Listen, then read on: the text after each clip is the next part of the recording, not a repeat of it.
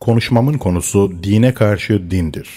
Bu ifade kimilerine tuhaf veya müphem gelebilir. Zira biz şimdiye kadar dinin sürekli küfrün karşısında yer aldığını ve tarih boyunca savaşın dinle dinsizlik arasında meydana geldiğini sanırdık. Bu nedenle dine karşı din ifadesi ilginç, müphem, şaşırtıcı ve kabul edilemez gelebilir.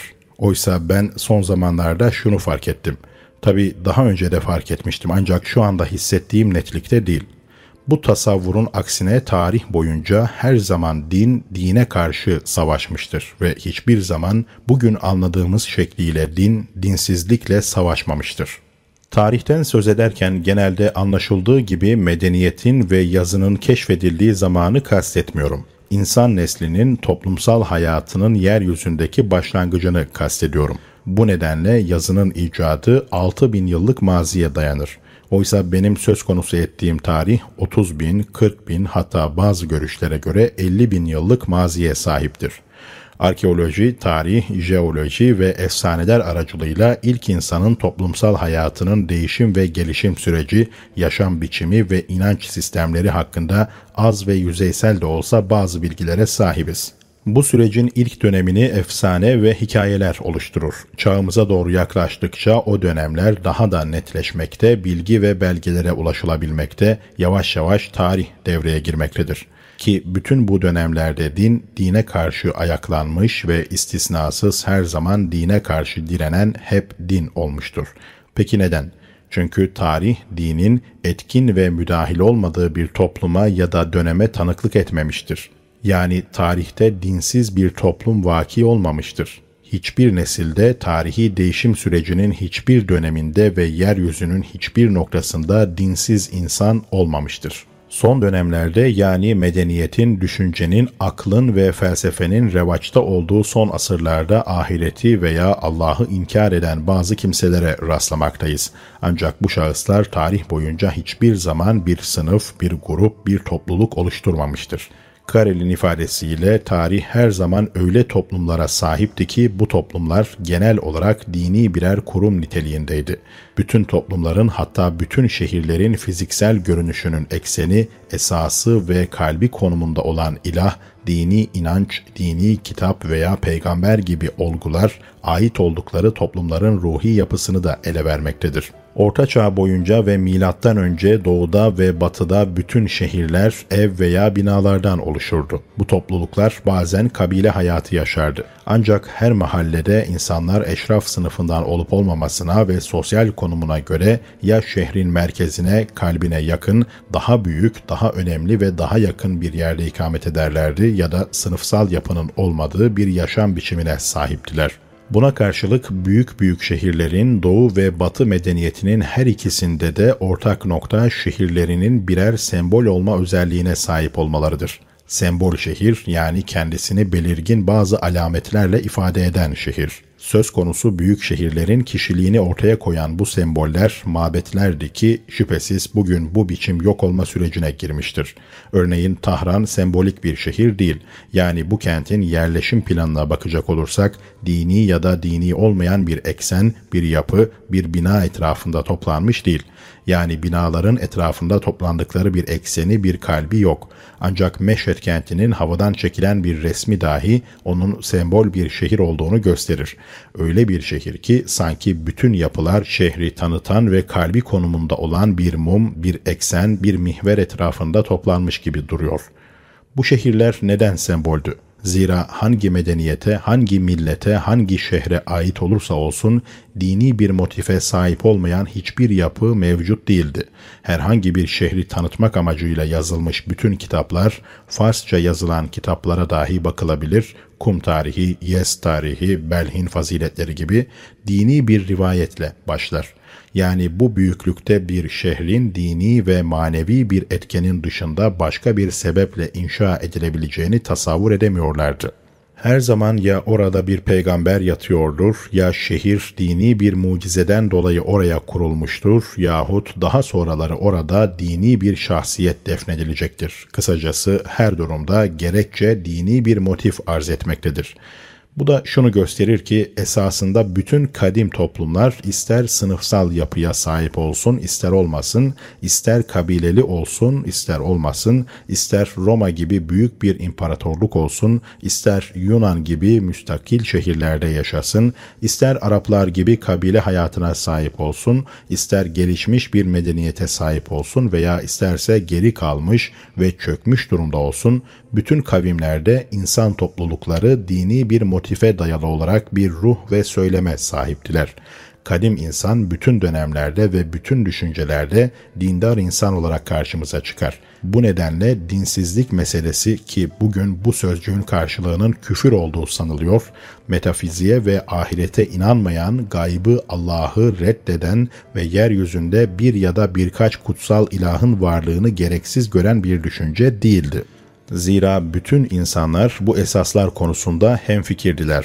Küfür kavramına bugün bizim yüklediğimiz din dışılık, dinsizlik ya da din karşıtlığı gibi karşılıklar çok yeni anlamlardır. Bu son 2-3 asırlık bir mevzudur. Yani Orta Çağ dönemi sonrasına tekabül eder düşünsel bir ürün gibi batıdan doğuya ithal edilmiş ve küfür sözcüğüne Allah'a inanmama, metafiziği ve ahireti reddetme manası yüklenmiştir. Ne İslam'da, ne kadim metinlerde, ne tarihte, ne de dinlerin herhangi birinde küfre dinsizlik anlamı verilmiştir. Zira dinsizlik diye bir şey yoktur. Bu nedenle küfrün kendisi bir dindi. Tıpkı bir dinin diğer bir dini küfür olarak görmesi gibi o küfür dini de kendisini küfürle itham eden dinin küfür dini olduğuna inanmaktaydı. Dolayısıyla küfür başka bir din demektir, dinsizlik değil. O nedenle tarih boyunca ister İbrahimi dinlerin tarihi olsun, ister Doğu ya da Batı dinlerinin tarihi olsun fark etmez. Ne zaman ki bir peygamber ya da dini bir hareket ortaya çıkmışsa, öncelikle mevcut dini yapıya karşı çıkmıştır ve bu zuhur eden harekete karşı kılıç çeken, ona karşı direnen ve önünde duran ilk güçte mevcut din olmuştur. Dolayısıyla fevkalade önemli bir meseleyle karşı karşıyayız ki bu mesele hem günümüz dünya aydınlarının yanlış düşüncelerini çözüme kavuşturmakta hem de bu aydınların din hakkındaki yargılarını ilmi ve tarihi açıdan değerlendirmeye tabi tutmaktadır günümüz aydınlarının dinin medeniyete, ilerlemeye, halka ve özgürlüğe karşı olduğu ya da bu olgulara karşı kayıtsız kaldığı şeklindeki yargıları gerçekçi ve kesin ilmi dayanaklara ve mükerrer tarihi tecrübelere dayanmaktadır.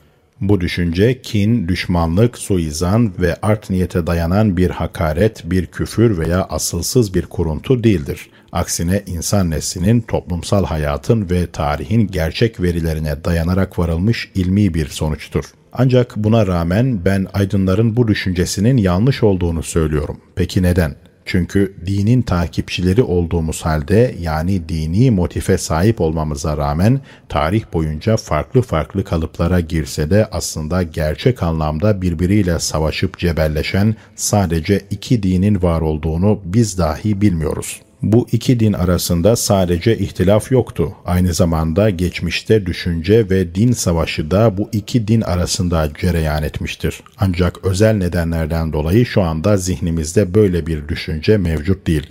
Durum böyle olunca özellikle din hakkında genel bir yargıya varırız ve genel açıdan da bunu ispat ederiz. Sonra kendi kendimize döner ve özelde onu da ispatlarız. Oysa bu yanlış bir yöntemdir yani son 2-3 asrın din karşıtları özellikle Avrupa'da din karşıtlığının zirveye çıktığı 19. asır bu iki dinin arasını ayırmamakla hataya düştüler. Oysa bu iki dinin hiçbir benzerliğinin olmaması bir yana bunlar birbirlerinin düşmanı ve zıttıydılar. Hatta tarih boyunca arada bir fetret dönemi dahi olmadan sürekli birbirleriyle savaştılar. Hala savaşmaktadırlar ve savaşmaya devam edecekler. Dolayısıyla onların yani günümüz dünya aydınlarının vardığı sonuç bu iki tarafın sadece biriyle ilgili olarak doğru olup tarihi gerçeklere ve tecrübelere dayanmaktadır. Fakat bu dinin karşıtı olan dinden ki o da bir dindi habersiz olduklarından ister istemez genel bir yargıya vardılar. ki biz dahi dindar olmamıza rağmen bu iki din arasındaki farkı fark edemiyoruz. Bu nedenle bu iki dinden sadece birisinin gerçekleriyle örtüşen bu düşüncenin diğer din içinde geçerli olduğu kanısına varılmıştır. İşte yanlış da buradadır. Dediğim gibi bu iki din çeşitli açılardan birbirlerinden farklılık arz etmektedir. Eğer bu iki dinin tüm özelliklerini karşılaştırıp sayacak olsak, birisi için müsbet olarak zikrettiğimiz her sıfatı, diğeri için menfi olarak anlamamız icap eder. Sizden önemli bir istirhamım olacak. Benim burada kullanacağım kavramlar hepinizin bildiği ancak farklı anlamlar yüklenen kavramlardır. Bu nedenle sizden ricam ben bir kavramı kullanırken onu önceden zihninizde var olan anlamıyla düşünmeyin. Aksine benim kastettiğim manada anlayıp hüküm verin.'' Önce bu kavramları açıklığa kavuşturacağım. Zira bu kavramlarla ilgili yaygın olan belirsizlik ve yanlış anlama birbirinden tamamen farklı olan bu iki konumun yanlış anlaşılmasına sebep olmuştur. Küfür, şirk ve putperestlik kavramları din konusuyla ilgili çokça kullanılan kavramlardır.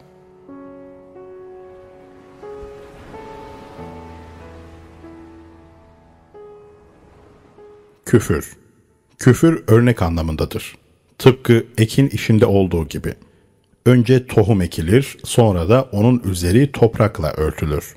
İnsanın içinde de hakikat vardır.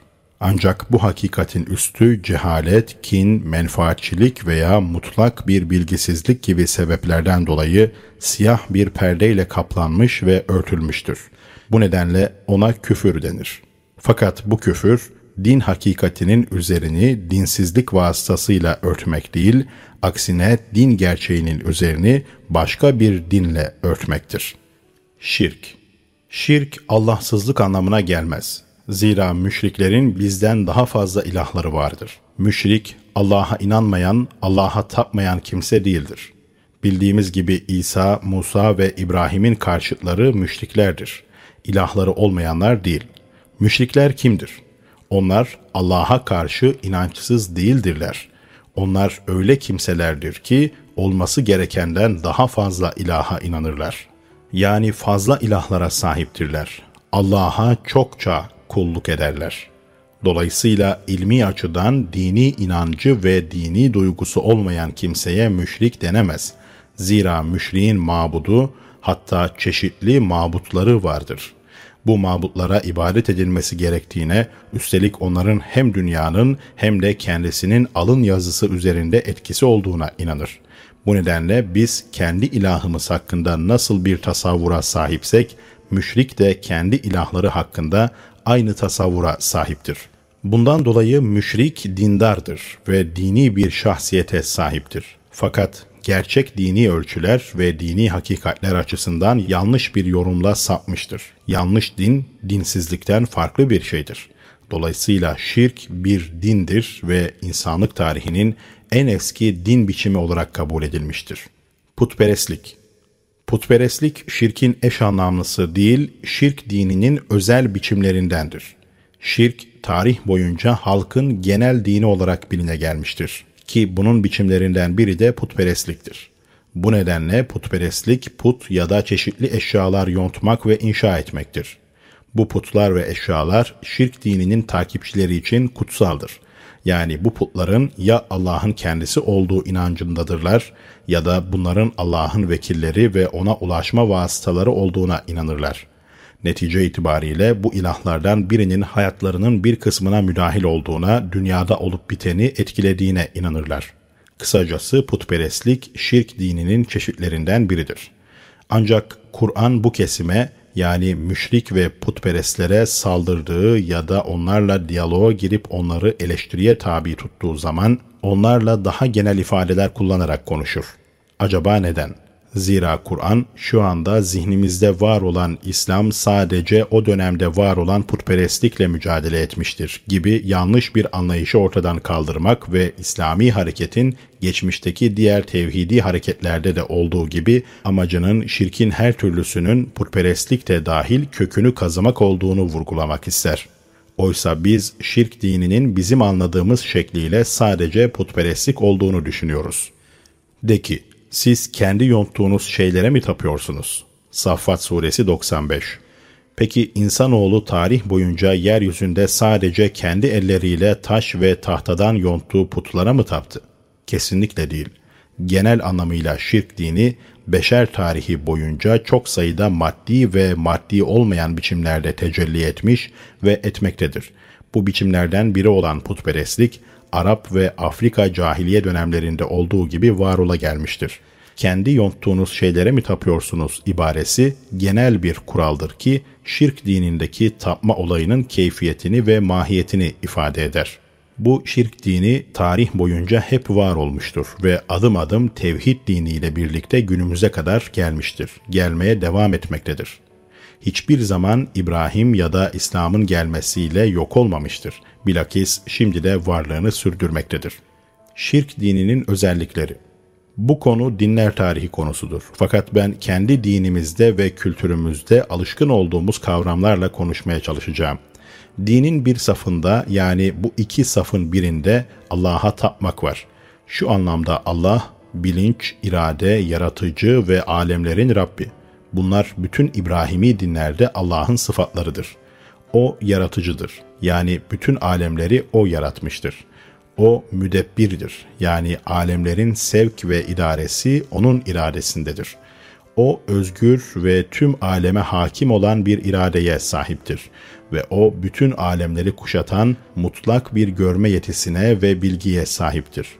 Aynı şekilde Allah varlığın ve yaratılışın tek sebebidir ve kainatın hedefini o tayin eder.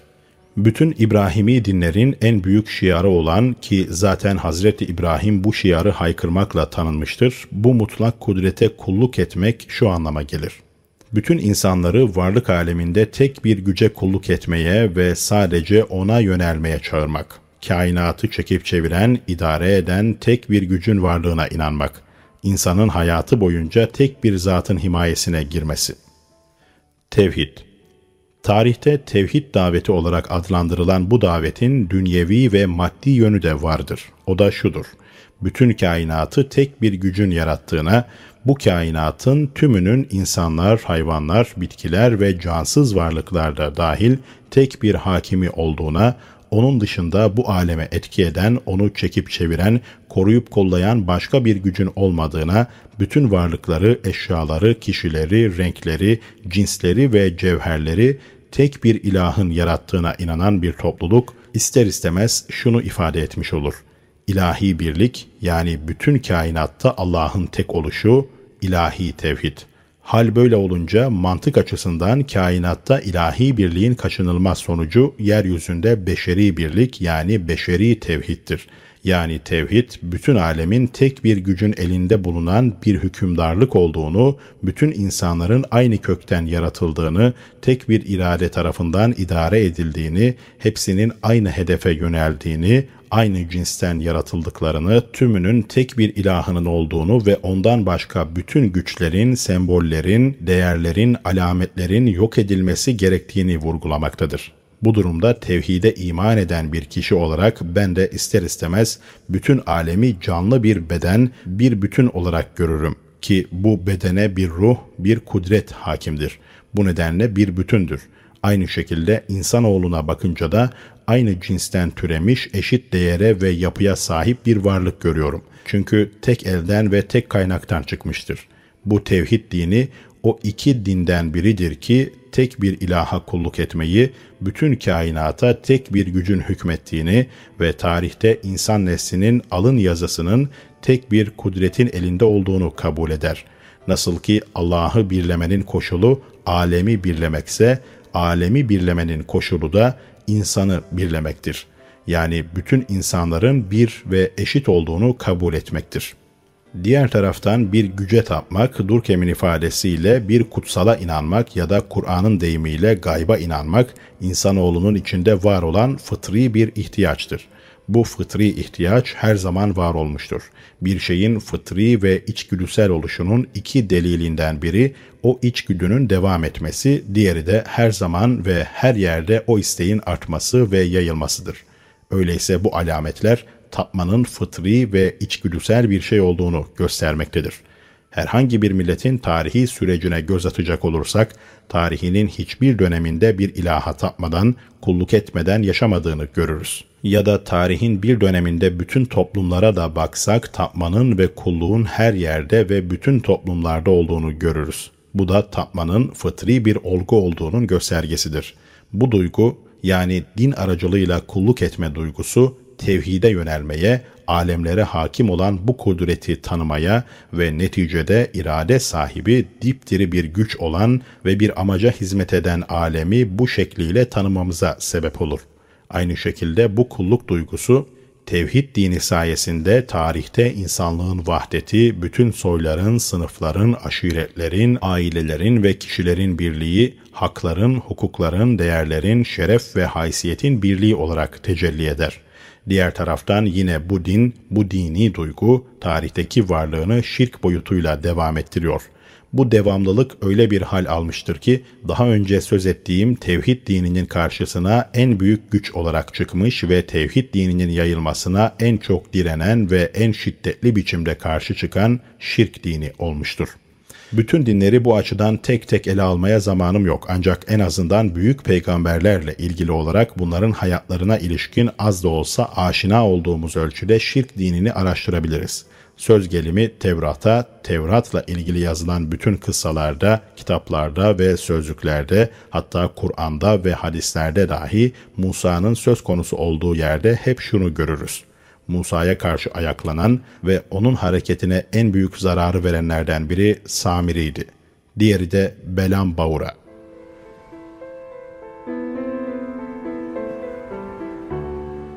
Samiri Musa yıllar süren bir çilenin ve mücadelenin sonunda kavmini tek olan Allah'la tanıştırmaya ve kendi toplumunda şirk dininin biçimlerinden olan hurafelere, buzaya ve puta kulluğun kökünü kazımaya muvaffak oluyor. Derken Samiri Musa'nın yokluğunda Tur Dağı'na çıktığı zaman en ufak fırsatı değerlendirerek halkı tekrar buzağa tapmaya teşvik etmek amacıyla hemen orada bir buzağı yapıyor.'' Halkın Yehova'yı ve Allah'ı bırakıp hayvana tapması için buzağı yapan bu adam Allahsız, dinsiz yani dine inanmayan bir kimse değildir. Bilakis dine inanır hatta dinin tebliğcisi, mütevellisi ve koruyucusu konumundadır. Belam Baura Belam Baura materyalist bir filozof mudur? Mülhit ve dinsiz midir? Hayır, Belambaura döneminin en büyük alimidir ve halkın dini onun sarığı etrafında dönüp dolanan şeyden ibarettir.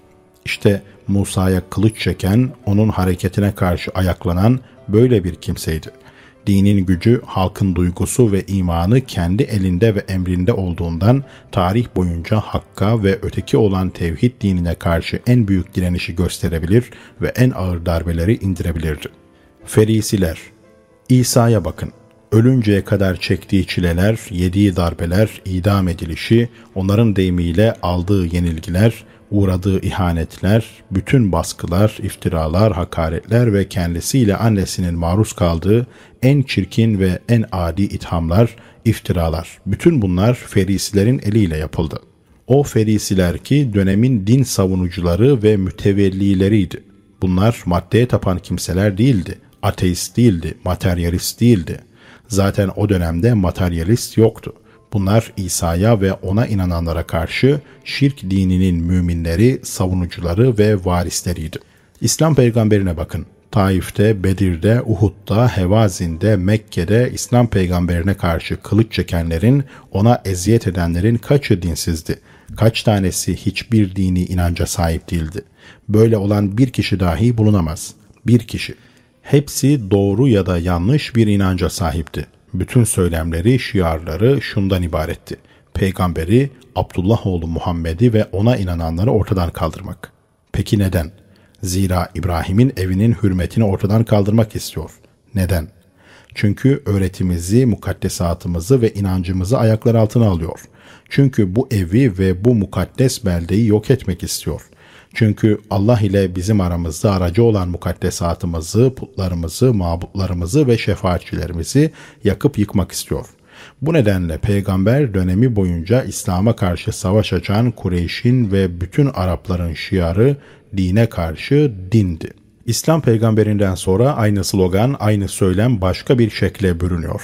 Acaba Ali'ye ve İslam dininin ruhunu idame ettirmek isteyen ve ettiren harekete karşı küfür mü ayaklanmıştı? Dinsizlik veya dine ve Allah'a inanmayanlar mı baş kaldırmıştı? Yoksa bu harekete baş kaldıranlar bu dine karşı Emevilerle Ali'nin çocuklarını veya Abbasilerle peygamberin yakınlarını savaş meydanında karşı karşıya getiren başka bir dine mi inanıyorlardı? İbrahimi dinin, İbrahimi din diyorum zira daha kolay anlaşılıyor ve tevhid dininin özelliklerinden biri tek olan Allah'a kulluktur. Bizim inancımızda ve tarih felsefesinde Adem'den peygamberimize ve ondan sonra insanlık tarihinin son anına kadar tağuta kulluğa karşı bütün alemlerin tek sahibi olan insani değerleri, tarihin hedefini ve beşeri hayatın tayin edici tek mabuda kulluk vardır. Yani insanı bu yüce vahye, hilkatin bu muazzam yoluna ve yaratılışın en büyük ve nihai hedefi olan Allah'a teslim olmaya, yalnızca bu nizama, bu hedefe teslim olmaya çağıran harekete karşı tağuta kulluk edenler, bu hedefe karşı isyana çağırmakta ve adı İslam olan bu davete karşı durmaktadır.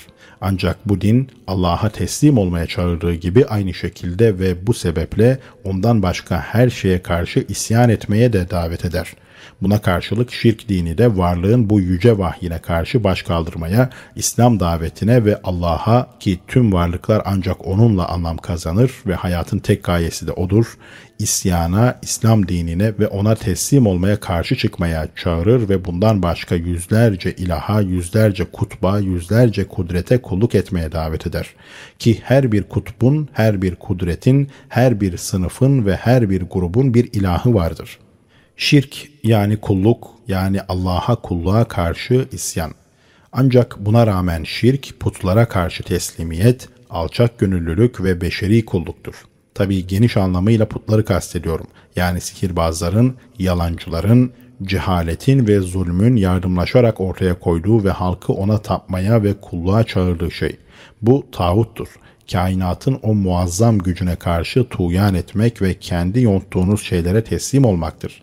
Bu kendi yonttuğunuz şeyler ne olursa olsun, ister lat, ister uzza, ister araba, ister sermaye, ister kan, isterse soy veya sınıf olsun fark etmez. Her dönemde bunlar Allah'a karşı birer tağut olmuştur. Tevhid dininin özelliklerinden biri onun inkılabi duruşu ve akışıdır. Şirk dininin de genel anlamıyla şirk özelliklerinden biri kitabına uydurmak, bahaneler ve gerekçeler üretmektir. İnkılapçı din ne demek? İnkılabi din kendisine iman eden ve bu öğretiyle eğitilen kişinin hayata ve onun maddi, manevi ve sosyal bütün yönlerine karşı eleştirel bir bakış kazanmasını sağlar. Bununla beraber mensubuna reddettiği ve batıl olarak kabul ettiği şeyi değiştirmek, yıkmak, yok etmek ve hak olarak bildiği ve inandığı öğretiyi onun yerine tesis etmek gibi bir misyon ve sorumluluk yükler mevcut duruma dini açıdan meşruiyet kazandırmamak, onu tevil ve teyit edememek, ona karşı kayıtsız kalmamak tevhid dininin özelliğidir. Bütün peygamberlerin nasıl zuhur ettiğine bir bakın. Bu tevhidi dinler ortaya ilk çıktıkları dönemde ki bu dönem onların en temiz, en saf, en berrak dönemleridir ve hiç değişmemiş, hiç başkalaşmamıştır. Var olana karşı baş kaldırmış, zulme ve çirkefliğe isyan etmiştir. Yani kula kulluğa isyan.'' Allah'ın bizzat kendisine değil de sünnetullah'ın tecellisi olan tabiat kanunlarına kulluk etmeye isyan. Bütün bu dinlere bakın, Musa'ya bakın. Musa önceden de belirttiğimiz gibi üç sembole karşı kıyam ediyor. Dönemin en büyük sermayedarı olan Karun'a, şirk dininin en büyük din alimi olan Belam Baura'ya ve dönemin en büyük siyasi gücünün sembolü olan Firavun'a karşı baş kaldırıyor. Yani mevcut duruma isyan ediyor. Peki o dönemde mevcut durum nasıldı? Kıpti soyuna karşı zillet ve esaret içinde yaşayan Sıpti adında bir azınlık. Yani Kıptilerin Sıptilere olan üstünlüğüne dayanan ırkçılığa karşı mücadele. Bir soyun başka bir soya tahakkümünden onu esaret altına almasından ibaret olan sosyal yapıya karşı mücadele ve isyan. Amaç başka bir ideali gerçekleştirmek, toplumun ve sosyal yapının yararı için belirlenmiş hedefi tahakkuk ettirmek ki bu hedef esaret altında yaşayan bir kavmi vaat edilmiş topraklara hicret ettirip özgürlüğüne kavuşturmaktır. Bu ideal, sosyal öğretiye ve inanca dayalı içinde tağuta kulluğun olmadığı bir toplum inşa etmektir. öyle bir sosyal yapı inşa edilecek ki ayrımcılığı meşrulaştıran, kitabına uyduran, tağutları yok edecek ve onun yerine sosyal ve beşeri birliğin ve adaletin nişanesi olan tevhid ikame edilecek.''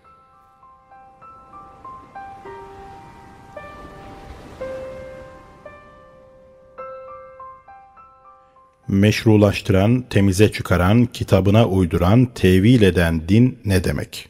Şirk dininin her zamanki çabası şu olmuştur.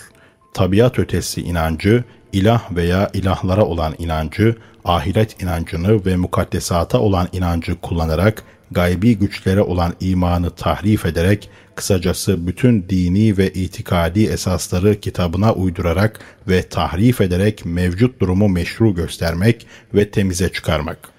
Yani dini kullanarak halka sizin toplumunuzun içinde bulunduğu durum olması gereken bir durumdur inancını kabul ettirmek. Zira sizin bu durumunuz Allah'ın iradesinin bir tecellisidir.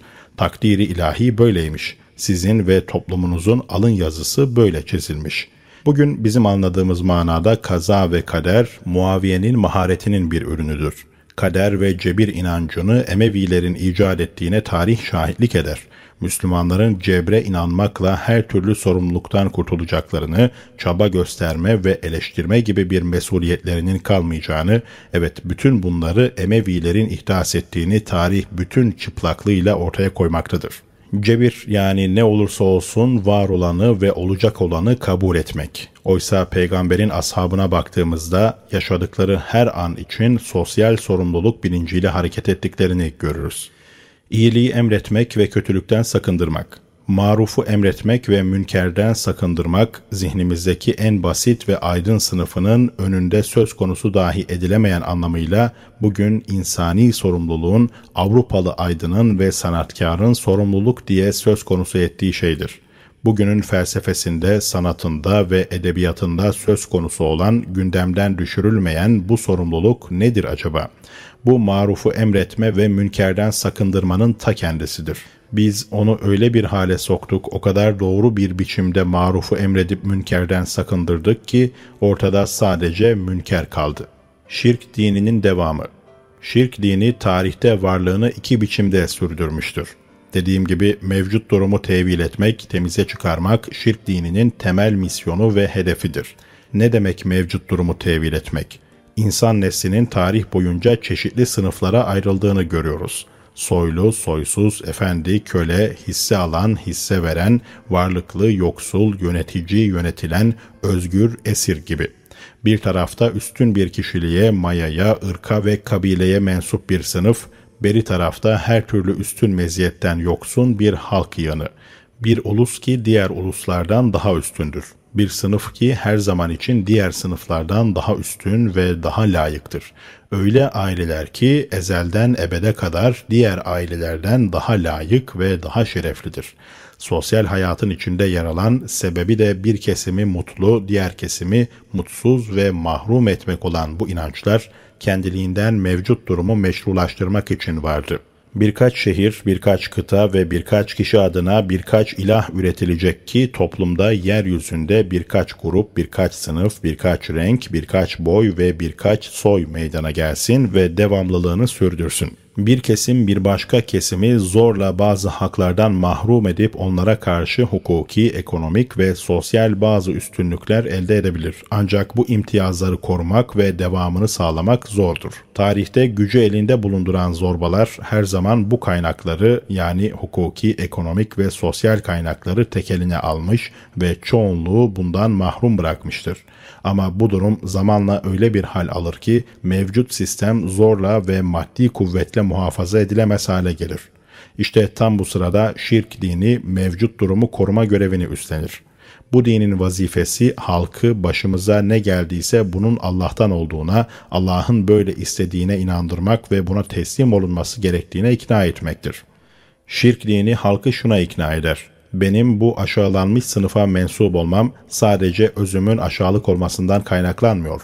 Aynı zamanda benim ilahım, Rabbim, yaratıcım, koruyucum ve sahibim de diğer soyun ilahından, putundan ve sahibinden daha aşağılık olduğu için bu aşağılanmış sınıfa mensubum.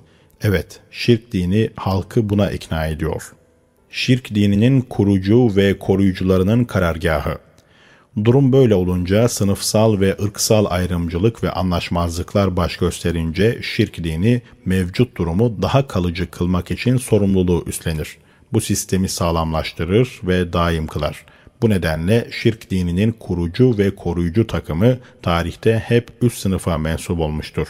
Üstelik hakim sınıftan dahi daha etkili, daha üstün ve daha zengindiler. Sasaniler döneminde Zerdüşt din adamlarına bir bakın. Şehzadelerden ve askerlerden dahi daha çok etkiye sahiptiler. Avrupa'da keşişlere, İsrailoğullarında hahamlara ve belan bavuralara bakın. Afrika ve Avustralya'da putperest kabilelerdeki büyücüler, kahinler, falcılar ve kendilerini halkın dininin varisleri ve vekilleri olarak gören kimseler, bütün bunlar ya yönetici kesimiyle el ele ve omuz omuzaydılar ya da onların dahi üstündeydiler.'' Avrupa'da toprağın %70'inden fazlası keşişlerin elindeydi. Sasaniler döneminde bazen öyle olurdu ki Zerdüşt din alimleriyle bunların tekelindeki dini vakıf, mabet ve türbelere ait mülk, toprak sahipleriyle çiftçilerin bütün mülkünden daha fazla olurdu.'' Gördüğümüz gibi bizim takipçileri olduğumuzu söylediğimiz peygamberler, düşündüğümüz ve hayal ettiğimiz şeyin aksine tarih boyunca insanlık dışı bir vaziyet ve zulüm içinde kıvranan eski toplumların hayatının hem iktisadi hem ahlaki hem de düşünce açısından sömürülmesini meşru gösteren tevhide karşı tağutu ve putperestliği kollayan ve geliştiren dine karşı duruş sergilemişlerdir. Şirk dininin kaynağı Şirk dininin kaynağı ekonomidir bir grubun hakimiyetine ve çoğunluğunun mahrumiyet ve mahkumiyetine dayanır. İşte bundan dolayı kendi konumunu garantiye almak ve yaşam biçimini sürekli kılmak için dine ihtiyaç duyar. Bir insanın kendi isteğiyle gönlünden gelerek zillete razı olması için dinden daha iyi etken, daha iyi potansiyel ne olabilir ki? Mevcut durumu meşru gösteren, onu temize çıkaran her zaman şirk dini olmuştur. Peki bunu nasıl ve neden yapar?'' Birincisi birden fazla ilaha inandırmakla. Böylece halk toplumda birden fazla milletin, boyun, sınıfın ortaya çıkmasının ilahi iradeyle olduğuna inanacak, mevcut durumu kabullenecek ve ona itirazda bulunmayacak. İkincisi, tarih boyunca hakim sınıfın tekelinde bulundurduğu bazı imtiyazlara kendilerinin de sahip olması. Bunlar her zaman tarihin tekelcileri ola gelmişlerdir. Afyon dini Şirk dininin özellikleri din düşmanlarının da doğru olarak ifade ettiği gibi cehalet, korku, kayırma, servet ve bir sınıfı diğer sınıflara tercih etme ve onu üstün görmedir. Din düşmanlarının dediği gibi bunlar doğrudur. Dinin halkı zillete, zorluğa, çaresizliğe, cehalete, maruz kaldıkları geri kalmışlığa, kendilerinin selef ve haleflerinin düçar oldukları ve olacakları talihsizliğe sevk eden bir afyon olduğu söylemi gerçeği yansıtmaktadır.'' İçsel ve itikadi teslimiyet. Mürciye ve sorumluluğun kaldırılması. Mürciyeye bir bakın. Mürciye tarihteki ve İslam toplumundaki bütün katillerin sorumluluğunu ortadan kaldırmaktadır. Mürciye şöyle der: Kıyamet gününde Allahu Teala teraziyi niçin kurar? Muaviye'nin ve Ali'nin hesabını görmek için.'' Durum böyle olunca yani hem müfettiş hem de hakim Allah olunca artık sana ne oluyor ki kim hak üzereydi, kim batıl üzere diye konuşup duruyorsun. Sen kendi işine bak, kendi hayatınla ilgilen.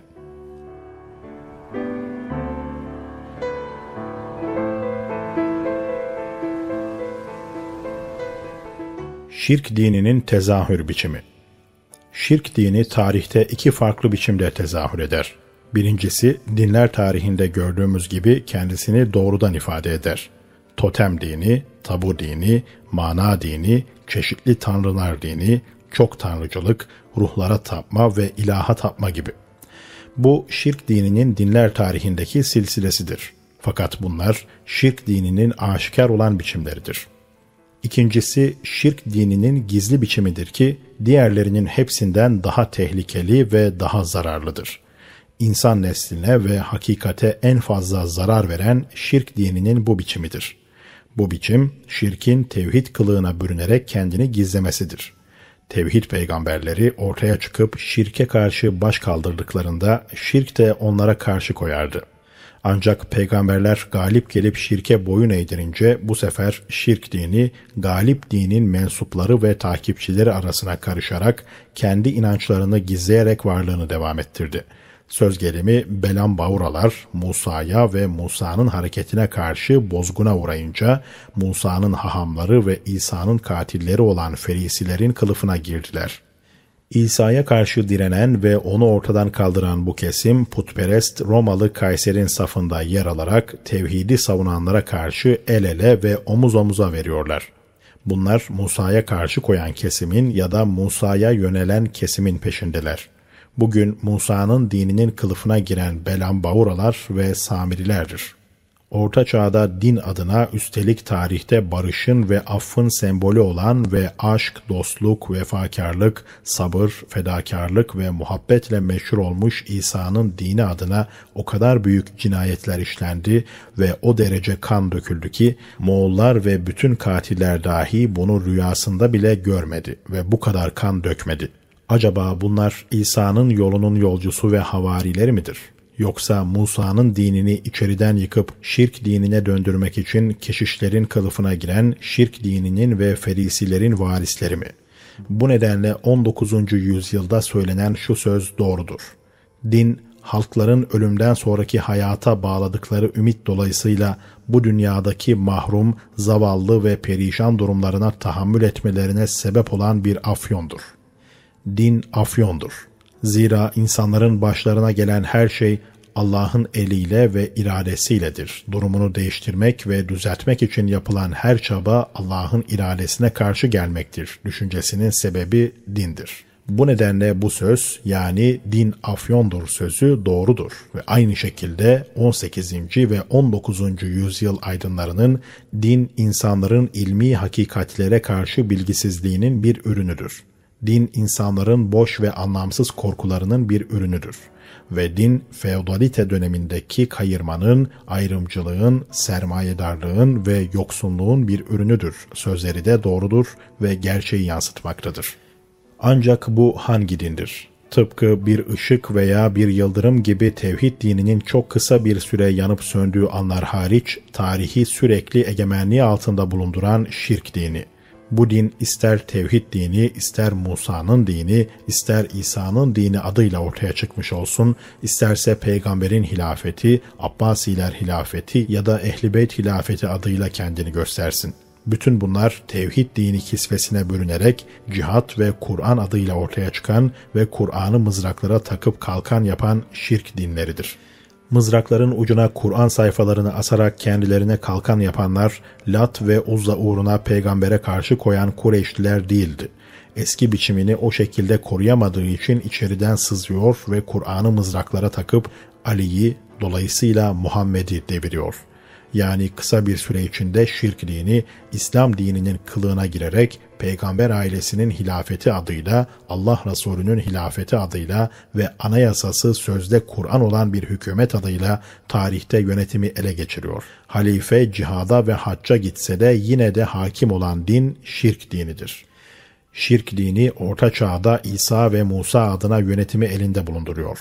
Bunlar yani Musa ve İsa tevhid dininin kurucularıdır. Ancak şirk dini tarihte bunların adına yönetimi elinde bulundurmuştur.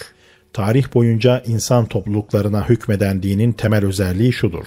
Her zaman mevcut durumu meşru gösteren, halkı uyuşturan, geriye götüren, sınırlandıran ve halkın içinde bulunduğu duruma kayıtsız kalan dindir.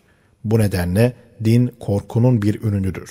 Din afyondur din özgürlüğü ortadan kaldırandır ve din feodal sistemin bir ürünüdür diyenler doğru söylemiştir. Zira tarihi verilere ve tarih bilimine dayanarak konuşmaktalar. Fakat bunlar dini tanımadılar. Zira onlar din bilimci değil, tarihçiydiler. Dolayısıyla tarihi verilere bakan herkes şunu görecektir ki tarih boyunca dinler ister tevhid dini adıyla şirk dinine arka çıksın, isterse çok açık bir biçimde şirk dini adıyla ortaya çıksın, neticede yaptıkları şey aynı şeydi. Ancak ben hem İbrahimi dinde hem de şirk dinlerinde Allah'a atfedilen bütün isim ve sıfatları birbiriyle mukayese ettim ve şu neticeye vardım. Halkın korkusunun ve cehaletinin ürünü olan din şirk dinidir. Peki neden? Zira müşrik dindarlar yani şirk dininin tebliğcileri halkın uyanmasından, bilinçlenmesinden, alim olmalarından ve vaziyeti fark etmelerinden korkuyorlar. Halkın sadece sıradan ve her zamanki gibi sabit bilgilere sahip olmasını ve bunun da kendi tekerlerinde olmasını isterler. Neden? Çünkü halkın ilmi seviyesi ve bilinci arttıkça şirk dini yok olacaktır. Zira şirk dininin koruyucusu cehalettir. Yani şirk dini cehalet sayesinde ayakta durur. Dolayısıyla halk uyandıkça, halkın itiraz ve eleştiri ruhu geliştikçe, halkın idealleri ve adalet talebi arttıkça şirk dini sarsılacak ve yıkılacaktır. Neden? Çünkü bu din tarih boyunca mevcut durumu koruyup kollamıştır ki bu durum feodalite döneminden önce de sonra da hem batıda hem doğuda insanlık tarihi boyunca var olmuştur. Ancak şirk dinlerinde ilahlara atfedilen isim ve sıfatlar zulüm ve istibdadın yansımaları olan heybet, vahşet ve zorba gibi anlamlardı. Oysa 2000-3000 yıl öncesine kadar İbrahimi dinlerin en kadim isimleri dahi şu iki anlamdan türemiştir. 1. Aşk, güzellik, celal ve cemal sahibi bir zata kulluk etmek. 2. Terbiye edip yönetmek, arka çıkmak, dayanak olmak, babalık etmek, abilik etmek, rehberlik etmek ve himaye etmek. Demek ki tarihte hakim olan dinin doğal etkenler sebebiyle halkın cahillik ve korkularının ürünü olduğu tezi doğruyu yansıtmaktadır. İbrahimi dinlerse aşkın niyazların insanın aleme hakim olacak bir yönetime olan ihtiyacının, aczinin ve yaratılış gayesinin bir ürünüdür. İnsanın mutlak cemale, mutlak celale ve mutlak tekamüle karşı olan aczinin ve niyazının bir ürünüdür.'' İşte İbrahimi dinler bu şekilde insanın ruhi, felsefi ve toplumsal bütün ihtiyaçlarına cevap verirlerdi. İbrahimi dinlerin peygamberleri her zaman tüm yönetici kesime ve bütün putlara karşı savaş açmışlardır. Bunlar ister maddi, ister manevi, isterse toplumsal yönetimler olsun. Bu putlarda Francis Bacon'un ifadesiyle ister zihinsel putlar, ister cismi putlar, ister beşeri putlar, ister ekonomik putlar ve isterse maddi putlar olsun fark etmez.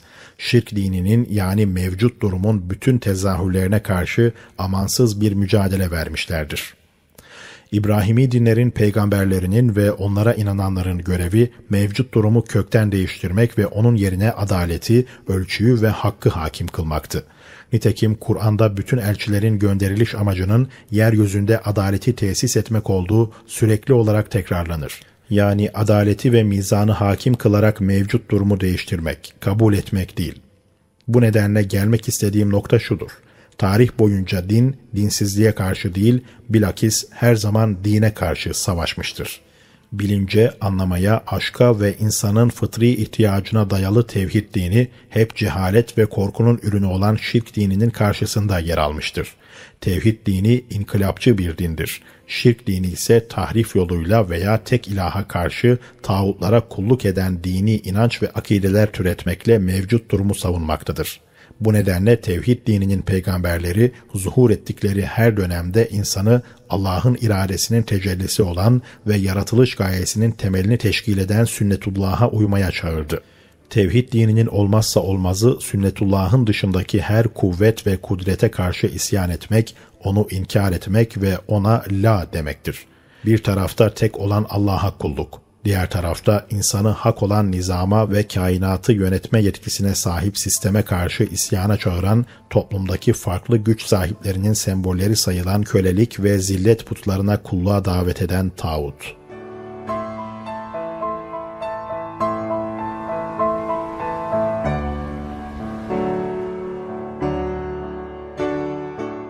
Allah insanlar Tevrat ve İncil'in tahrif edilmeyen kısımlarıyla Kur'an'ın tümünde istisnasız olarak Allah ile insanlar aynı safta yer alır. Yani sosyal, siyasi ve ekonomik meselelerin ele alındığı tüm ayetlerde nas, insanlar sözcüğünün kullanıldığı yere rahatlıkla Allah kelimesini koyabilir veya Allah kelimesinin yerine nas sözcüğü yerleştirilebilir. Her iki durumda da cümlenin anlamında değişen bir şey olmaz. Söz gelimi eğer Allah'a güzel borç verirseniz Tegabun suresi 17. Ne demek Allah'a güzel borç vermek? Allah'ın kazancı az mı geliyor da haşa biz ona borç verelim? Ayetin kastı bu değil. Ayetin kastı insanlar birbirlerine güzel borç versinler demektir. Bu esas doğrultusunda şu neticeye varmak mümkündür. Sosyal meselelerin söz konusu olduğu ve sosyal anlamda bir saftan, bir yönden ve bir bakış açısından söz edilen bütün ayet ve hadislerde Allah, insanlar sözcüğünün eş anlamlısı olarak kullanılır. Yani Allah halkın yanında ve safında yer alır. Bu safın karşısında kimler yer almaktadır? Tağuta kulluk edenler. Peki tağuta kulluk edenler kimlerdir? İşte bunlar Kur'an'ın ifadesiyle mele ve mütrefin olanlardır. Yani kendi toplumlarında göz dolduran, göz kamaştıranlar. Her şeye karar veren ancak hiçbir şeye karşı sorumluluk taşımayan kimseler.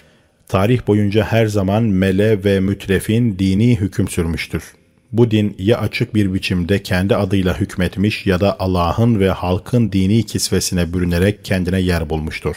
Tevhid dini ise tarihte hakim olmamış, yönetimi ele almamış bir dindir.'' Dolayısıyla bana göre Orta Çağ'da İslam kudreti diye dünyaya lanse edilen söylemi Şia'nın kabul etmemesi, yapılan cihadı emperyalist bir yağmadan ibaret görmesi ve o dönemin yönetimlerini Allah Resulü'nün hilafeti olarak değil de Kayser'in ve Kisra'nın yönetimlerinden farksız görmesi, iftihar etmesi gereken bir durumdur. Bu nedenle İbrahimi din yani tevhid dini tağuta kulluk eden mele ve mütrefin dinine karşı her zaman kıyam etmiş ve halkı da bu dine karşı kıyama çağırmıştır. Halka Allah'ın kendi saflarından yana olduğunu ifade eder. Tevhid dininin muhatabı halk, hedefi de adaleti tesis etmektir. Tevhid dini bilincin, aşkın, kulluğun ve halkın en mükemmel biçimde uyanışının bir ürünüdür. Ancak tarihte tahakkuk ettiği şekliyle değil, aksine tarihe karşı eleştirel bir hakaretti ki hiçbir zaman tam anlamıyla tarihte tahakkuk etmemiştir. Ve tarihte her zaman şirk dini, mele ve mütrefinin tağuta kulluğu yani putperestlik ve mevcut durumu meşrulaştıran, insanları uyuşturan din hakim olmuş, kudreti ve sultayı elinde bulundurmuştur.'' her zaman bana sen bir aydın olarak nasıl olur da dine bu kadar dayanırsın diyen aydınlara şunu demek istiyorum. Benim sözünü ettiğim din geçmişte tahakkuk etmiş ve toplumda hakim olan din değil. Aksine sözünü ettiğim din tarih boyunca topluma hakim olan dini ortadan kaldırmayı hedef edilmiş dindir. Şirk dininin her türlüsünü ortadan kaldırmak için kıyam eden peygamberlerin dininden söz ediyorum. Ki sosyal açıdan ve halkın toplumsal hayatı anlamında tarihte hiçbir zaman tam olarak tahakkuk etmemiştir. Bu nedenle bizim sorumluluğumuz bu dinin tahakkuk etmesi için çalışmaktır. Bu mesuliyet tevhid peygamberleri tarafından ilan edilen gelecekte tevhid dininin beşeri toplumlara hakim olması ve uyutan, uyuşturan ve tevilci şirk dinlerinin yerini alması için gerekli olan insani bir sorumluluktur. Bu nedenle bizim dine dayanmamız ve ona vurgu yapmamız geriye dönüş değil, aksine tarihin direniş ve kıyam hareketini idame ettirmektir. Bundan önceki bölümde dine karşı din ile neyi kastettiğimi ifade ettim. Dediğim gibi zihnimizdekinin aksine son zamanlarda şunu anladım ki insanlık tarihi boyunca din bizim anladığımız manada küfürle yani dinsizlik veya inançsızlıkla mücadele etmemiştir. Bu durumu fark etmek çok kolay olup felsefi ve ilmi açıdan karmaşık olan bir mesele değil. Ancak birçok basit mesele vardır ki onlara gereken ehemmiyeti vermediğimiz için çok olumsuz sonuçlara sebebiyet vermektedir. Zira geçmişte dinsiz ve ilahsız bir toplum ya da sınıf yoktu. Bütün tarihi bilgi ve belgeler, tarih sosyolojisinin, din sosyolojisinin, insanla ilgili bütün tarihi belgeleri şunu göstermektedir ki insanlar toplumsal yaşamları boyunca dindardılar hangi milletten olursa olsun ve hangi döneme ait olursa olsun istisnasız ve kesintisiz bütün toplumlar dindar toplumlardı. Yani tarihte bütün toplumların fikri ve kültürel dayanakları dindi. Öyle ki bir tarihçi kültür ve medeniyetlerin tarihini kaleme almak veya üniversitede okutmak istediğinde herhangi bir toplumun kültürü ya da bir milletin medeniyeti hakkındaki araştırmalarının bir noktadan sonra ister istemez o milletin dini medeniyetine ve dini kültür ve bilgisine doğru kaydığını müşahede eder. Veda ya da Buda dinini Hint kültürünün ruhu, merkezi ve temel dayanağı saymadan Hint kültüründen kim söz edebilir? Lao Tzu ve Confucius'ten söz etmeden bunların sadece eski Çin kültürünün oluşumunda en etkili şahsiyet olduğunu kabul etmek değil, aksine bu eski milletin kültürünün ruh kaynağı ve temel ekseni olduğunu kabul etmeden eski Çin kültür ve medeniyetinden kim söz edebilir? Bu nedenle tarih boyunca insanlar dindardılar ve bütün toplumlar dindar olmakla kalmamışlardı. Üstelik temel dayanakları da dindi. Ayrıca geçmiş toplumlar sadece kültürel, manevi, ahlaki ve felsefi açıdan dindar değillerdi. Aksine maddi ve ekonomik yaşam biçimleriyle eski şehirlerin mimari yapısı dahi dini bir hüviyete dayanmaktaydı. Dediğim gibi eski klasik şehirlerin çoğu birer semboldü. Yani yapılar şehrin sembolü konumunda olan bir mabet etrafında dönüp dolanır. Tıpkı Paris şehrinin sembolü olan Eyfel Kulesi gibi. Geçmişte de mabet şehrin sembolüydü. Mesela Delphi mabedi Atina'nın sembolü konumundaydı.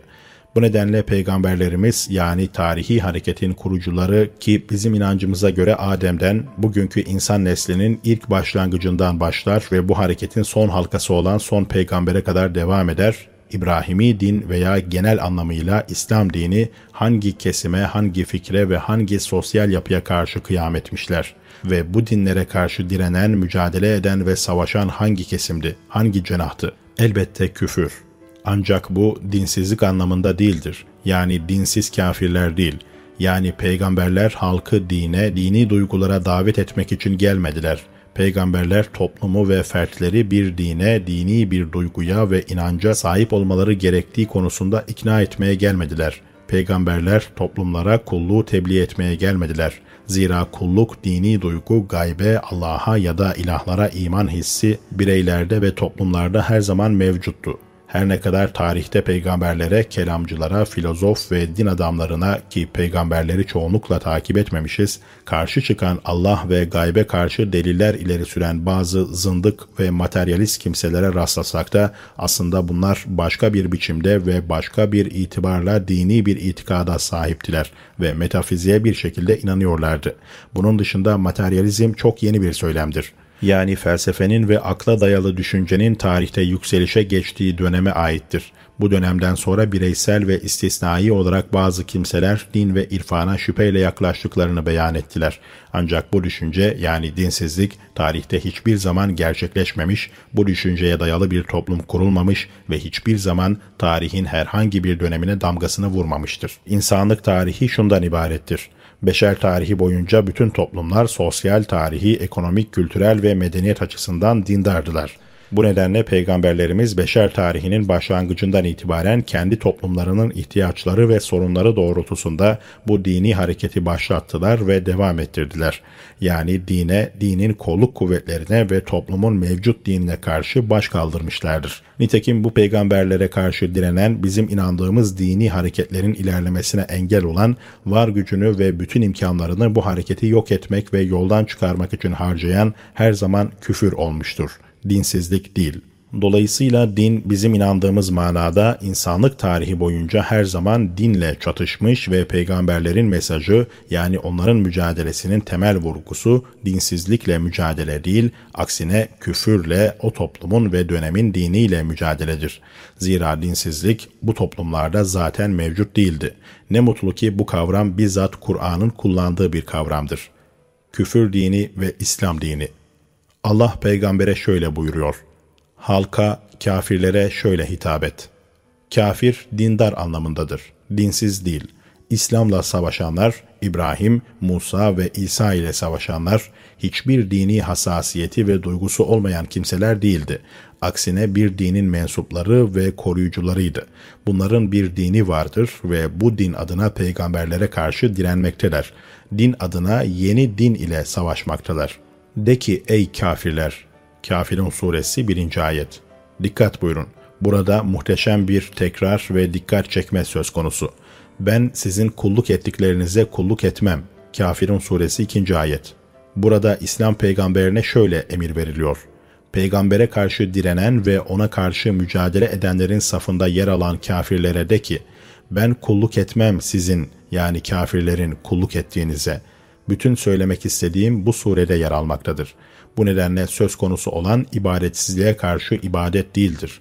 Yani bir kulluğa karşı başka bir kulluk söz konusudur. Dolayısıyla peygamberin karşı safında yer alanlar kulluğa inanmayan, mabutları olmayan kimseler değildir. Aksine İslam peygamberinden daha fazla mabutları vardır. İhtilaf konusu hangi mabuda, hangi ilaha kulluk edileceği meselesindedir. Din konusunda değil. Ben sizin kulluk ettiklerinize kulluk etmem. Siz de benim kulluk ettiğime kulluk ediciler değilsiniz. Kafirun suresi 2 ve 3. ayetler. Bu bir önceki ifadenin aynısıdır. Ancak Allah bir maksadı farklı ifadelerle tekrar etmektedir. Çünkü bunu bir kaide, bir usul olarak yerleştirmek istemekte ve bu kaidenin bütün yönleriyle, bütün açılardan beyinlere kazınmasını istemektedir. Ve ben de sizin kulluk ettiklerinize kulluk edici değilim. Kafirun suresi 4. ayet. Yani ben kulluk edici değilim o sizin kulluk ettiğinize. Sonra yine şöyle tekrar etmekte. Siz kulluk edici değilsiniz benim kulluk ettiğime. Kafirun suresi 5. ayet. Sonunda da bir kaide bir ilke olarak şunu ilan etmektedir. Sizin dininiz size, benim dinim bana. Kafirun suresi 6. ayet. Yani sizin kendi dininiz vardır. Benim de kendi dinim var. Demek ki tarih boyunca din dinle savaşmıştır. Tarihe hükmeden küfür dini, tevhid dini, benim dinim bana dini her zaman kafirlerin diniyle savaş halinde olmuştur. Peki bu savaştan kim zaferle çıkmıştır? Tarih boyunca muzaffer olan onların dini yani kafirlerin dini olmuştur. Toplumlara bir göz atalım. Peygamberimiz ki hepsinin hakkın peygamberi olduğuna iman ediyoruz, kendi dinlerini bir topluma tam anlamıyla hakim kılamadılar. Tam olarak istenildiği manada dinlerinin gerektirdiği bir biçimde tarihin herhangi bir döneminde bu hedefi gerçekleştiremediler.'' Bu peygamberler her zaman kendi dönemlerinde mevcut dine karşı bir harekete, bir itiraza ve bir mücadeleye girişirlerdi. Güç onların elindeydi ve dinleri de mevcut durumlarını onaylamakta ve meşru göstermekteydi.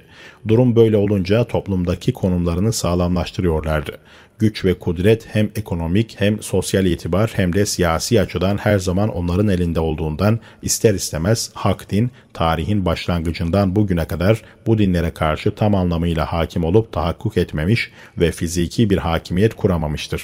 Bütün toplumlar tarih boyunca o dinlerin yani küfür dinlerinin etkisi ve hakimiyeti altında olmuştur. Bu din nedir ve onlar kimlerdir? Bu dinlerin isimlerinin ne olduğuyla ilgili dini metinlerde daha kolay ifade etmek ve açıklamak için çeşitli isim ve sıfatlar zikredilmiştir. Ancak muhatap açısından halkın dini ve davetin merkezi, ruhu ve yönü açısından Allah'ın dini, peygamberin onlara yani kafirlere benim dinim bana dediği dindir. Bu nedenle tarih boyunca mevcut dine baş kaldıran, onunla mücadele eden din, bütün toplumlarda ve dönemlerde hakkın peygamberleri tarafından ortaya konan ve muhatabı halk olan dindi. Evet, bu dinin muhatabı halk ve halkın kendisine çağrıldığı mabut ise Allah'tır. Tabi bu Allah'ın ve halkın dininde var olan yani tevhid dininde mevcut anlamıyla mabut. Mal halka aittir. Kur'an'a dikkatle yöneldiğimizde ilk bakışta şunu görürüz ki Kur'an Allah kelimesiyle başlar. En has halk kelimesiyle son bulur. En naz yani halk kelimesiyle son bulur. Kur'an'ın her zamanki muhatabı halktır. Birinci bölümde arz ettiğim gibi dini ve felsefi açıdan vahdet-i vücut, panteizm felsefesinin aksine Allah'ın zatı ve mevcudiyeti halktan ayrıdır. Bu açıdan Allah ve halk birbirinden tamamen farklıdır. Ancak sosyal açıdan taraf olma, saf tutma açısından Allah ve halk aynı safta, aynı yönde ve aynı konumda yer alırlar. Öyle ki insanın sosyal, ekonomik ve yaşam biçimiyle ilgili bütün ayetlerde Allah kelimesi yerine nas, halk sözcüğü konabilir ve aynı şekilde nas sözcüğü yerine Allah kelimesi konabilir. Söz gelimi mal Allah'ındır. Burada putperestlikte olduğu gibi haşa Allah'ın da mala mülke ihtiyacı olduğu için halk infaklarından bir kısmını nezir veya kurban yoluyla mabede ya da mabedin sahibine vermeleri gerekir anlamında değildir. Mal Allah'ındır demek, servet Allah'ındır demektir ve burada Allah'ındır ifadesi insanlarındır anlamındadır. Bu tefsiri bu asrın dünya görüşlerinin etkisinde kalarak ben yapmıyorum. Bu ayeti böyle anladığı için Ebu Zer Muaviye'nin yakasına yapışarak şöyle diyor. Sen halkın malını yemek için mal Allah'ındır diyorsun. Mal Allah'ındır. Yani mal Allah'ın olduğuna göre ve ben de Allah'ın halifesi olduğuma göre malı kendim yerim veya dilediğim kimseye verir, dilediğimden de alırım. Ebu Zer Muaviye'ye mal Allah'ındır ifadesinin mal ileri gelenlerindir şeklinde değil, aksine mal halkındır şeklinde anlaşılması gerektiğini, Allah'ın kastının bu olduğunu öğretiyor. Mal ve mülk özel kimselere ait değildir. Aksine mal ve mülk halka aittir. Sahip olmak Allah'a aittir. Dolayısıyla sahip olmak halka aittir. Zira Allah ve halk aynı safta yer alırlar.'' İnsanlar Allah'ın ailesidir sözü de bunu ifade eder. Durum böyle olunca haliyle ailenin reisi sahibi olduğu ailenin safında yer alır.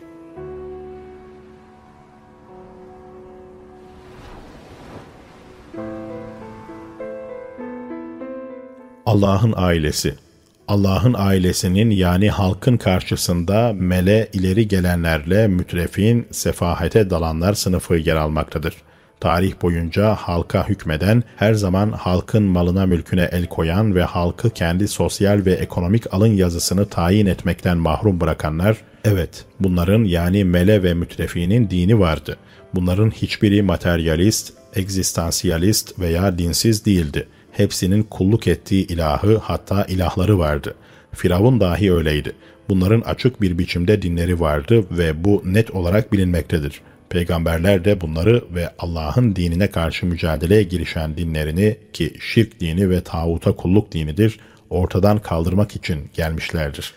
Sınıfsal ve ırksal bölünmelerin onaylanması. Birinci bölümde demiştim ki, şirk mevcut durumu dini açıdan meşru göstermek, tevil etmektir. Peki tarihte mevcut durum nasıl bir vaziyet arz etmekteydi? Vaziyet toplumsal şirkten ibaretti. Ne demek toplumsal şirk? yani toplumda var olan milletlerin, grupların, sınıfların ve ailelerin sayısınca putlar mevcuttu ve her milletin, her ailenin ve her ırkın kendine özel bir putu vardı. Bu çeşit çeşit ilahlara tapmak, toplumu oluşturan ırkların, sınıfların, grup ve kesimlerin çeşitlilik arz ettiğini, bunların her birinin diğerlerinden farklı olarak kendilerine has haklarının ve asaletlerinin olduğunu kabul etmek anlamına gelirdi. Oysa tevhid dini aracılığıyla ve hakkın peygamberleri yani Allah'ın ve halkın dininin peygamberleri aracılığıyla alemde Allah'tan başka hiçbir mabudun, hiçbir yaratıcının ve hiçbir ilahın olamayacağı ilan edilmektedir. Sahiplik yaratıcılıktır yaratıcılık ve Rablık. Bütün şirk dinlerinde Allah'ın yaratıcılığına inanılırdı. Ancak Rablik, sahiplik söz konusu olunca putların sayısı artıyordu.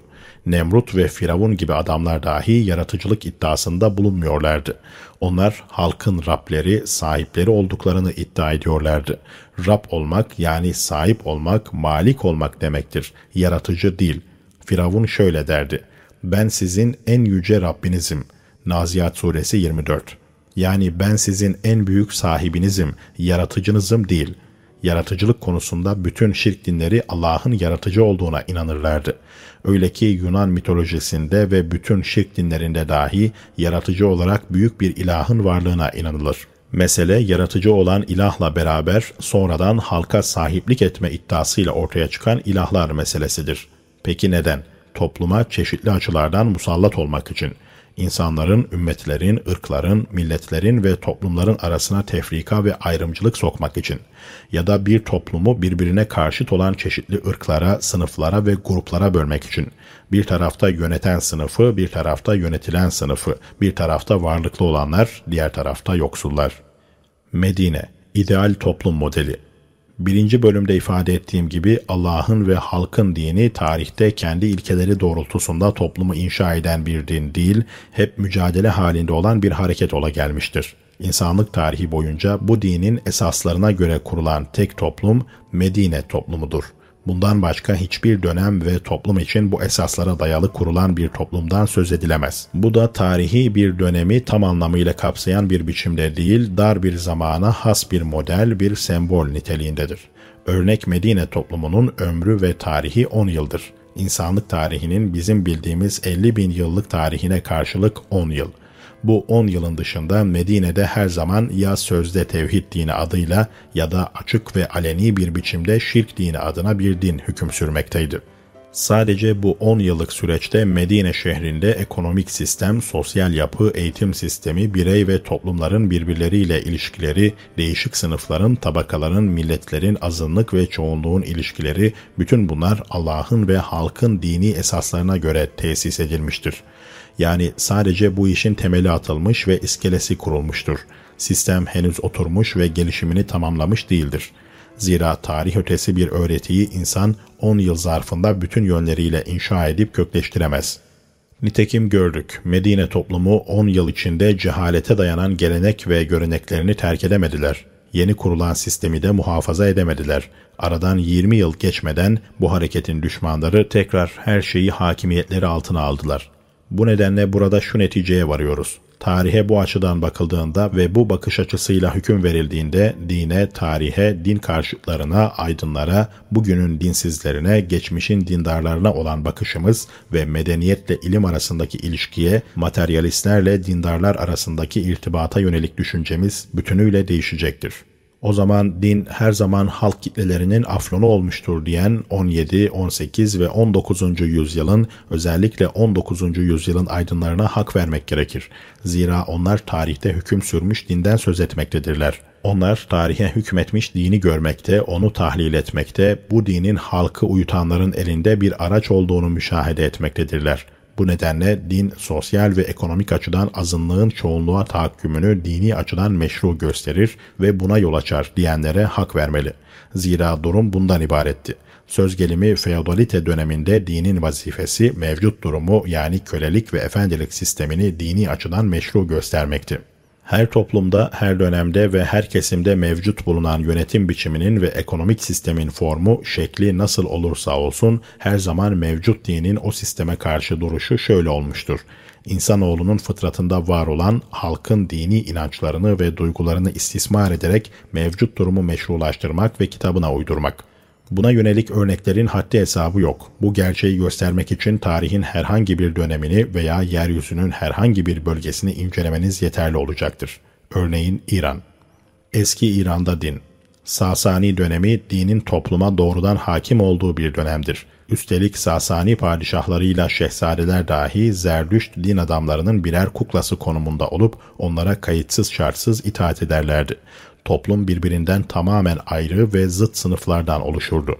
Öyle ki bir kimse bütün oyun ve hilelere başvursa, mucize dahi gösterse alt sınıftan üst sınıfa geçemez ve bulunduğu statüden başka bir statüye gelemezdi. Birinci ve ikinci sınıf Sasani döneminde şehzadelerle eşraf kesimi en üst sınıftı.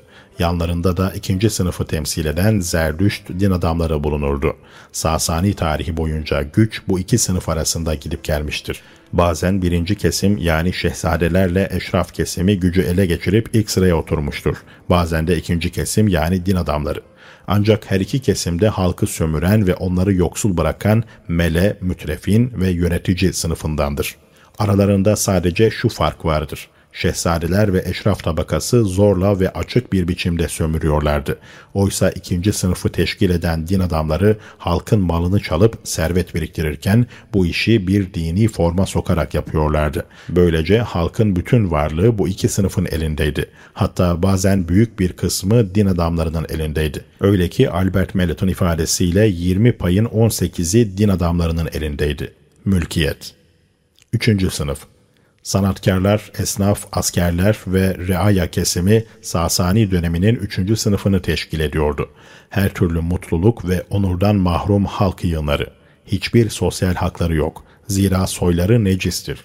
Hindistan'da olduğu gibi Hicri 4. asırda Firdevsi Rüstem Ferrohzad'ın ağzından şöyle söylemektedir. İslam geldiğinde her şey alt üst edecek. Soylar, sınıflar hep birbirine karışacak. Bir hiç olan köle hükümdar olup gelir başa üstünlük ve büyüklük de artık yaramaz işe. Zira bundan sonra ölçü, ırk, aile ve aşiret olmayacak. Bir köle dahi artık yönetime gelebilecek ve topluma önderlik edebilecek. Firdevsi'nin İslam'a hakaret amacıyla sarf ettiği bu sözler bugünün dünyasında İslam'ın en büyük iftiharı ve en yüce şiarıdır. Sasani döneminde bu sınıflaşmalar dini açıdan nasıl meşrulaştırılıyordu? Zorbalar felsefe bilmez, zorbalar yaptıklarını dinen caiz gösterme maharetine sahip değiller, zorbalar tabiat ötesini anlamazlar. Bu nedenle yaptıklarını zorbalıkla yaparlar. Bu dönemde bir ayakkabıcının oğlu okuma hakkına sahip değildi. Neden dersiniz? Zira okul okursa öğretmen olabilir, yönetici olabilir ve böylece üst sınıfa mensup olur. Ama bu olmamalı. Babası da bir ayakkabıcı çocuğuydu. Bu nedenle sonsuza kadar bu durum böyle devam etmeli ve bunun nesli sadece ayakkabıcı olabilmeli. İsterse bu çocuk harikalar yaratan bir dahi olsun. Dahi ise cehennemin dibine gitsin. O dahiliğini ayakkabı dikmede değerlendirsin.''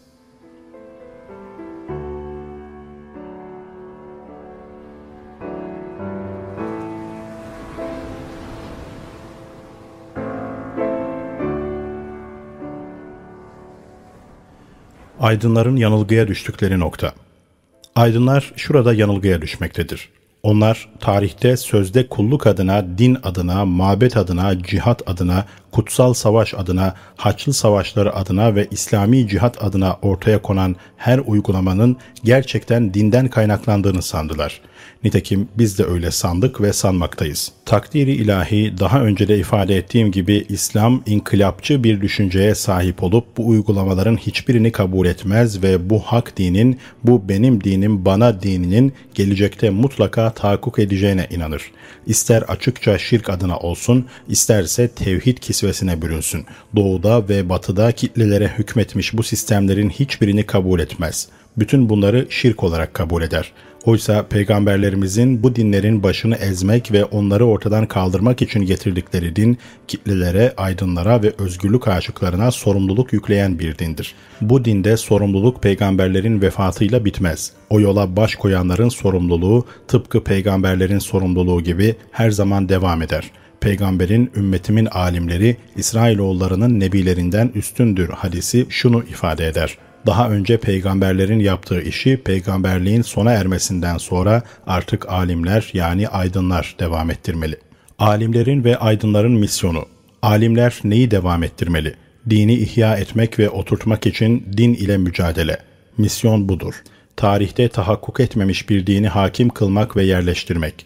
Ancak bu hedefin tahakkuk etmesi için halk o derece olgunlaşmalı, o kadar dini vicdan bilincine ve uyanışa sahip olmalı ve tevhidin gerçek anlamını öyle kavramalı ki tevhidin tağuta kullukla hiçbir ilgisinin olmadığını, onunla tezat teşkil ettiğini anlamalı, kavramalı ve yaşayarak hissetmelidir.'' Öyle ki tevhid elbisesine bürünmüş şirkin yalancı yüzünü teşhis edebilmeli ve yeryüzünde şirkin her türlüsünü bütün maskelerini parçalayarak yok etmelidir.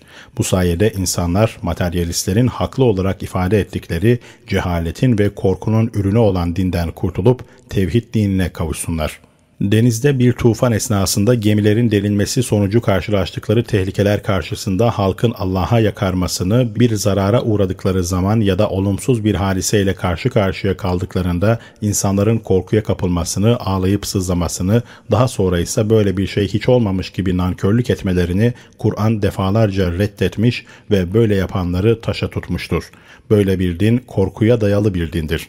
Bu 19. asrın materyalistlerinin din tabiat olaylarının etkisiyle halkta ortaya çıkan korkunun ürünüdür dediği şeydir dedikleri de doğrudur. Daha materyalistler din korkunun bir ürünüdür demeden Kur'an bu dinin takipçilerini kula kulluk edenleri korkakların ibadet mantığını ve sınıflaşmanın ürünü olan bu dini hedef almıştır. Bu dini hangi yapı inşa etti? Eğer bu dünyada bir lokmaya, bir kuru ekmeğe, bir aşa sahip değilsen sabret. Öte dünyada cennetin sofraları önüne serilecek diyen kimseler inşa etti bu dini. Bu din sınıfsal bir yapının ürünü ve uydurmasıdır ki peygamberimiz ve hak dinler hakkında bir veba gibi yayılmaktadır. İşte Ali bu dinlere yani şirk dinlerine ticaret dini ve korkakların dini demektedir. Peki bu benim dinim bana dininin kulluğu hangi kulluktur? Özgür olanların kulluğu, hür olanların kulluğu, yani özgürlüğün, aşkın, adalet talebinin, aşkın düşünce ve niyazların, insani ülkü ve hareketlerin, eşitliğin, insanlar arasında adaleti hakim ve daim kılmanın ve her türlü kötülüğü, çirkinliği ortadan kaldırmanın ürünü olan bir dine kulluk. Bu din o dine karşıdır. Dine karşı din. Fakirliği yöneticilerin menfaatine koruyan ve meşru gösteren bu dinin tarihte esaretin, köleliğin koruyucusu ve kollayıcısı olduğu bir gerçektir. Bu din, ileri gelenlerin, sefahat içinde yaşayanların, para babalarının ve zorbaların menfaati için halk kitlelerini aldatılmış ve uyutulmuş olarak cehaletin karanlığına terk etmiştir.'' Allah'ın bir kesimin aç, diğerinin tok olmasıyla bir işi olmaz. Allah birinin yavan ekmek, diğerinin ise yağlı ekmek yemesine karışmaz diyen bir din, bütün dini duyguları insanların toplumdan uzaklaşıp inzivaya ve köşeye çekilmelerini sağlamak amacıyla bir uyuşturucu maddeye dönüştüren dindir. Ya da dini duyguları kullanarak bütün maddi kaynakları sömürmek isteyen kesimlerin amaçlarına ulaşması için dünyadan ele tek çekmeye teşvik eden bir din.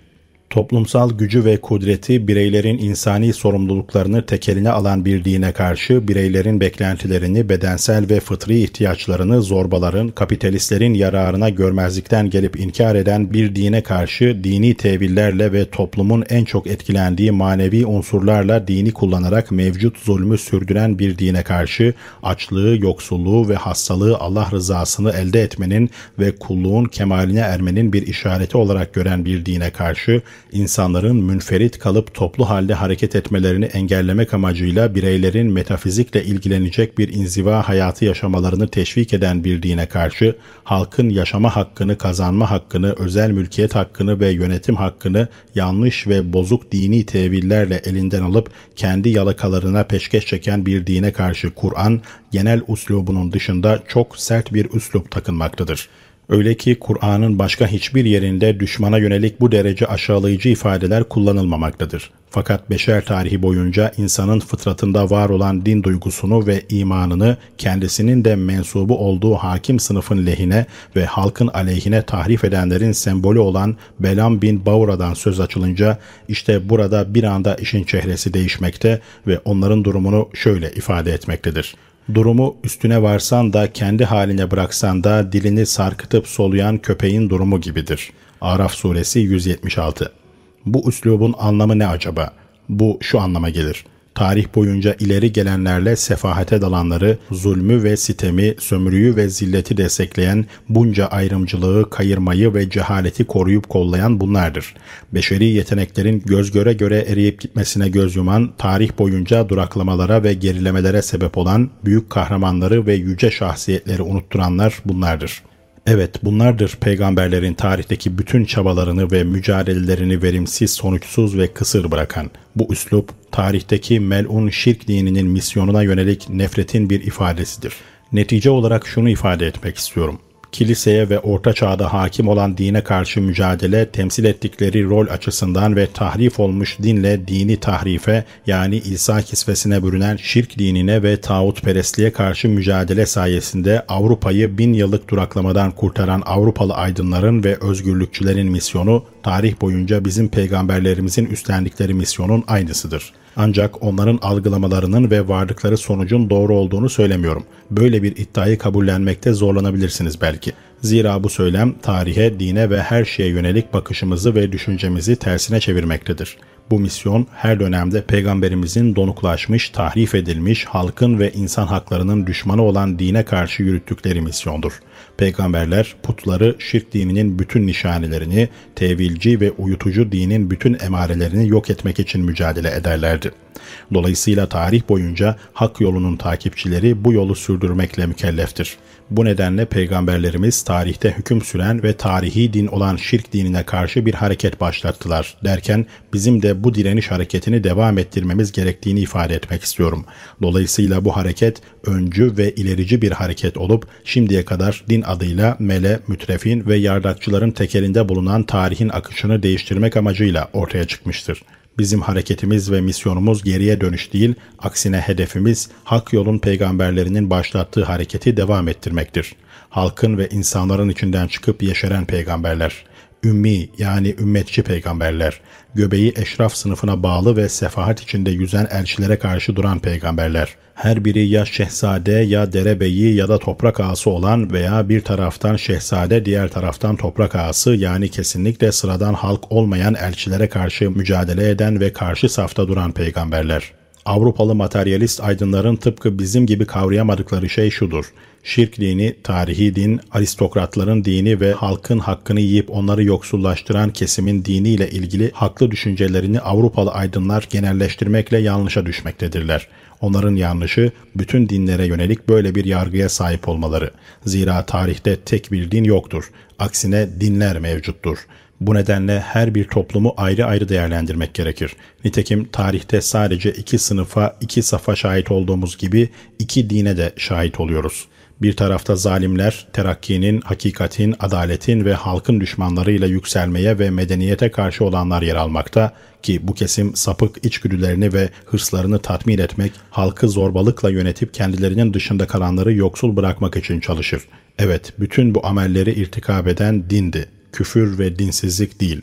Diğer safta karşı safın başını ezmek ve onu devirmek için ortaya çıkan hak cephesi yer almaktadır. Bu nedenle ben Avrupalı aydınların iki saf hakkındaki yargılarını paylaşmakla birlikte diğer saf hakkında da aynı düşünceye sahip olmalarını haksızlık ve insafsızlık olarak değerlendiriyorum.''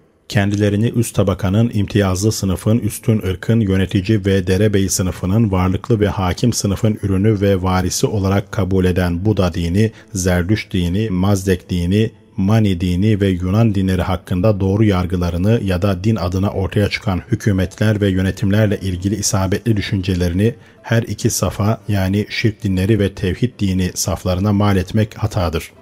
Yani şirk dinleriyle hak dinini aynı kefeye koymak insafsızlık olur.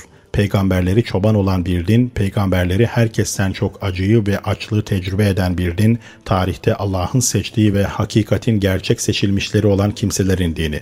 Evet, bu dinin kurucuları böyle kimselerdir. Öyle ki tarih boyunca sadece bunlar diğer dine karşı cihat ve mücadele etmiştir.'' Tarih boyunca başkaları gelip ekmeğini talan etsin diye açın açlığını daim kılmak için kurulan, fakirliği üreten ve onun bekçiliğini yapan bir din hakkındaki yargılarımız hiç şüphesiz doğrudur. Ancak nasıl olur da Ebu Zer'i yetiştiren din hakkında da aynı şeyi düşünürüz. Ebu Zer, İslam'ın o tertemiz, parlak ve mükemmel şehresi, peygamberin yetiştirdiği şahsiyet, hiçbir şeyi olmayan Ebu Zer ne rengi, ne ırkı, ne sermayesi, ne okur yazarlığı ne de kültürel eğitimi. Hiçbir şeyin etkisinde değildi her şeyden arınmış insani bir ruh. Sahip olduğu her şey bu fabrikanın, bu kitabın ve bu öğretinin ürünüydü. Tamamıyla orijinal. İşte bu dinin inşa ettiği bu kişi şöyle der. Evinde yiyecek bir şey olmadığı halde kılıcını çekip de insanlara saldırmayan kimseye şaşarım. Avrupa'da bazen bu sözü söylerdim ancak kimin söylediğini belirtmezdim. O zaman bazıları bu sözün Pluton'a ait olduğunu sanırdı. Zira o herkesten daha keskin ve sert konuşur. Dedim ki o halt etmiş. Bu derece sert bir sözü söylemek onun ne haddine ya da bu sözün Dostoyevski'ye ait olabileceğini sanırlar. Oysa Dostoyevski şöyle demekteydi. Eğer bir yerde biri öldürülüyorsa o olayda parmağı olmayan kimseler de o suça ortaktır. Nitekim doğru söylüyor. Ancak Ebu Zer'in dediğine bakın. Evinde yiyecek bir şey olmadığı halde kılıcını çekip de insanlara saldırmayan kimseye şaşarım. Burada konuşan bir dindar değil, dindir aslında. İşin gerçeği Ebu Zer dinin insan şekline bürünmüş halidir. Başka bir şey değil. Çeşitli ideolojilerin etkisinde kalmamıştır. Büyük Fransız inkılabından sonraya ait değildir. Aksine Gıfar kabilesine mensup bir kişidir. Ebu Zer sadece fakirliğine sebep olana ve onu sömüren kimseye ve kesime kılıç çekmekten söz etmiyor. Aksine halka kılıç çekmekten söz ediyor. Neden? Zira böyle bir toplumda yaşayan herkes sömürenlerden değilse dahi fakirliğin olduğu bir toplumda yaşadığı ve buna müdahale etmediği için o da fakirliğimin ve açlığımın sorumlusudur. Peki ne kadar sorumludur? Bir sömürgeci ve bir düşman kadar. Yani fakirliği meydana getiren sömürgeciliğin suç ortağıdır. Kısacası bütün insanlar benim açlığımdan dolayı doğrudan sorumludur.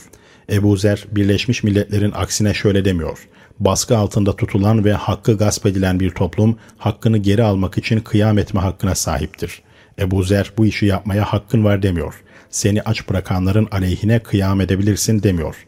Hayır, öyle demiyor Ebu Zer. Üstelik senin bütün halka kılıç çekme hakkın vardır bile demiyor. Hayır, öyle demiyor.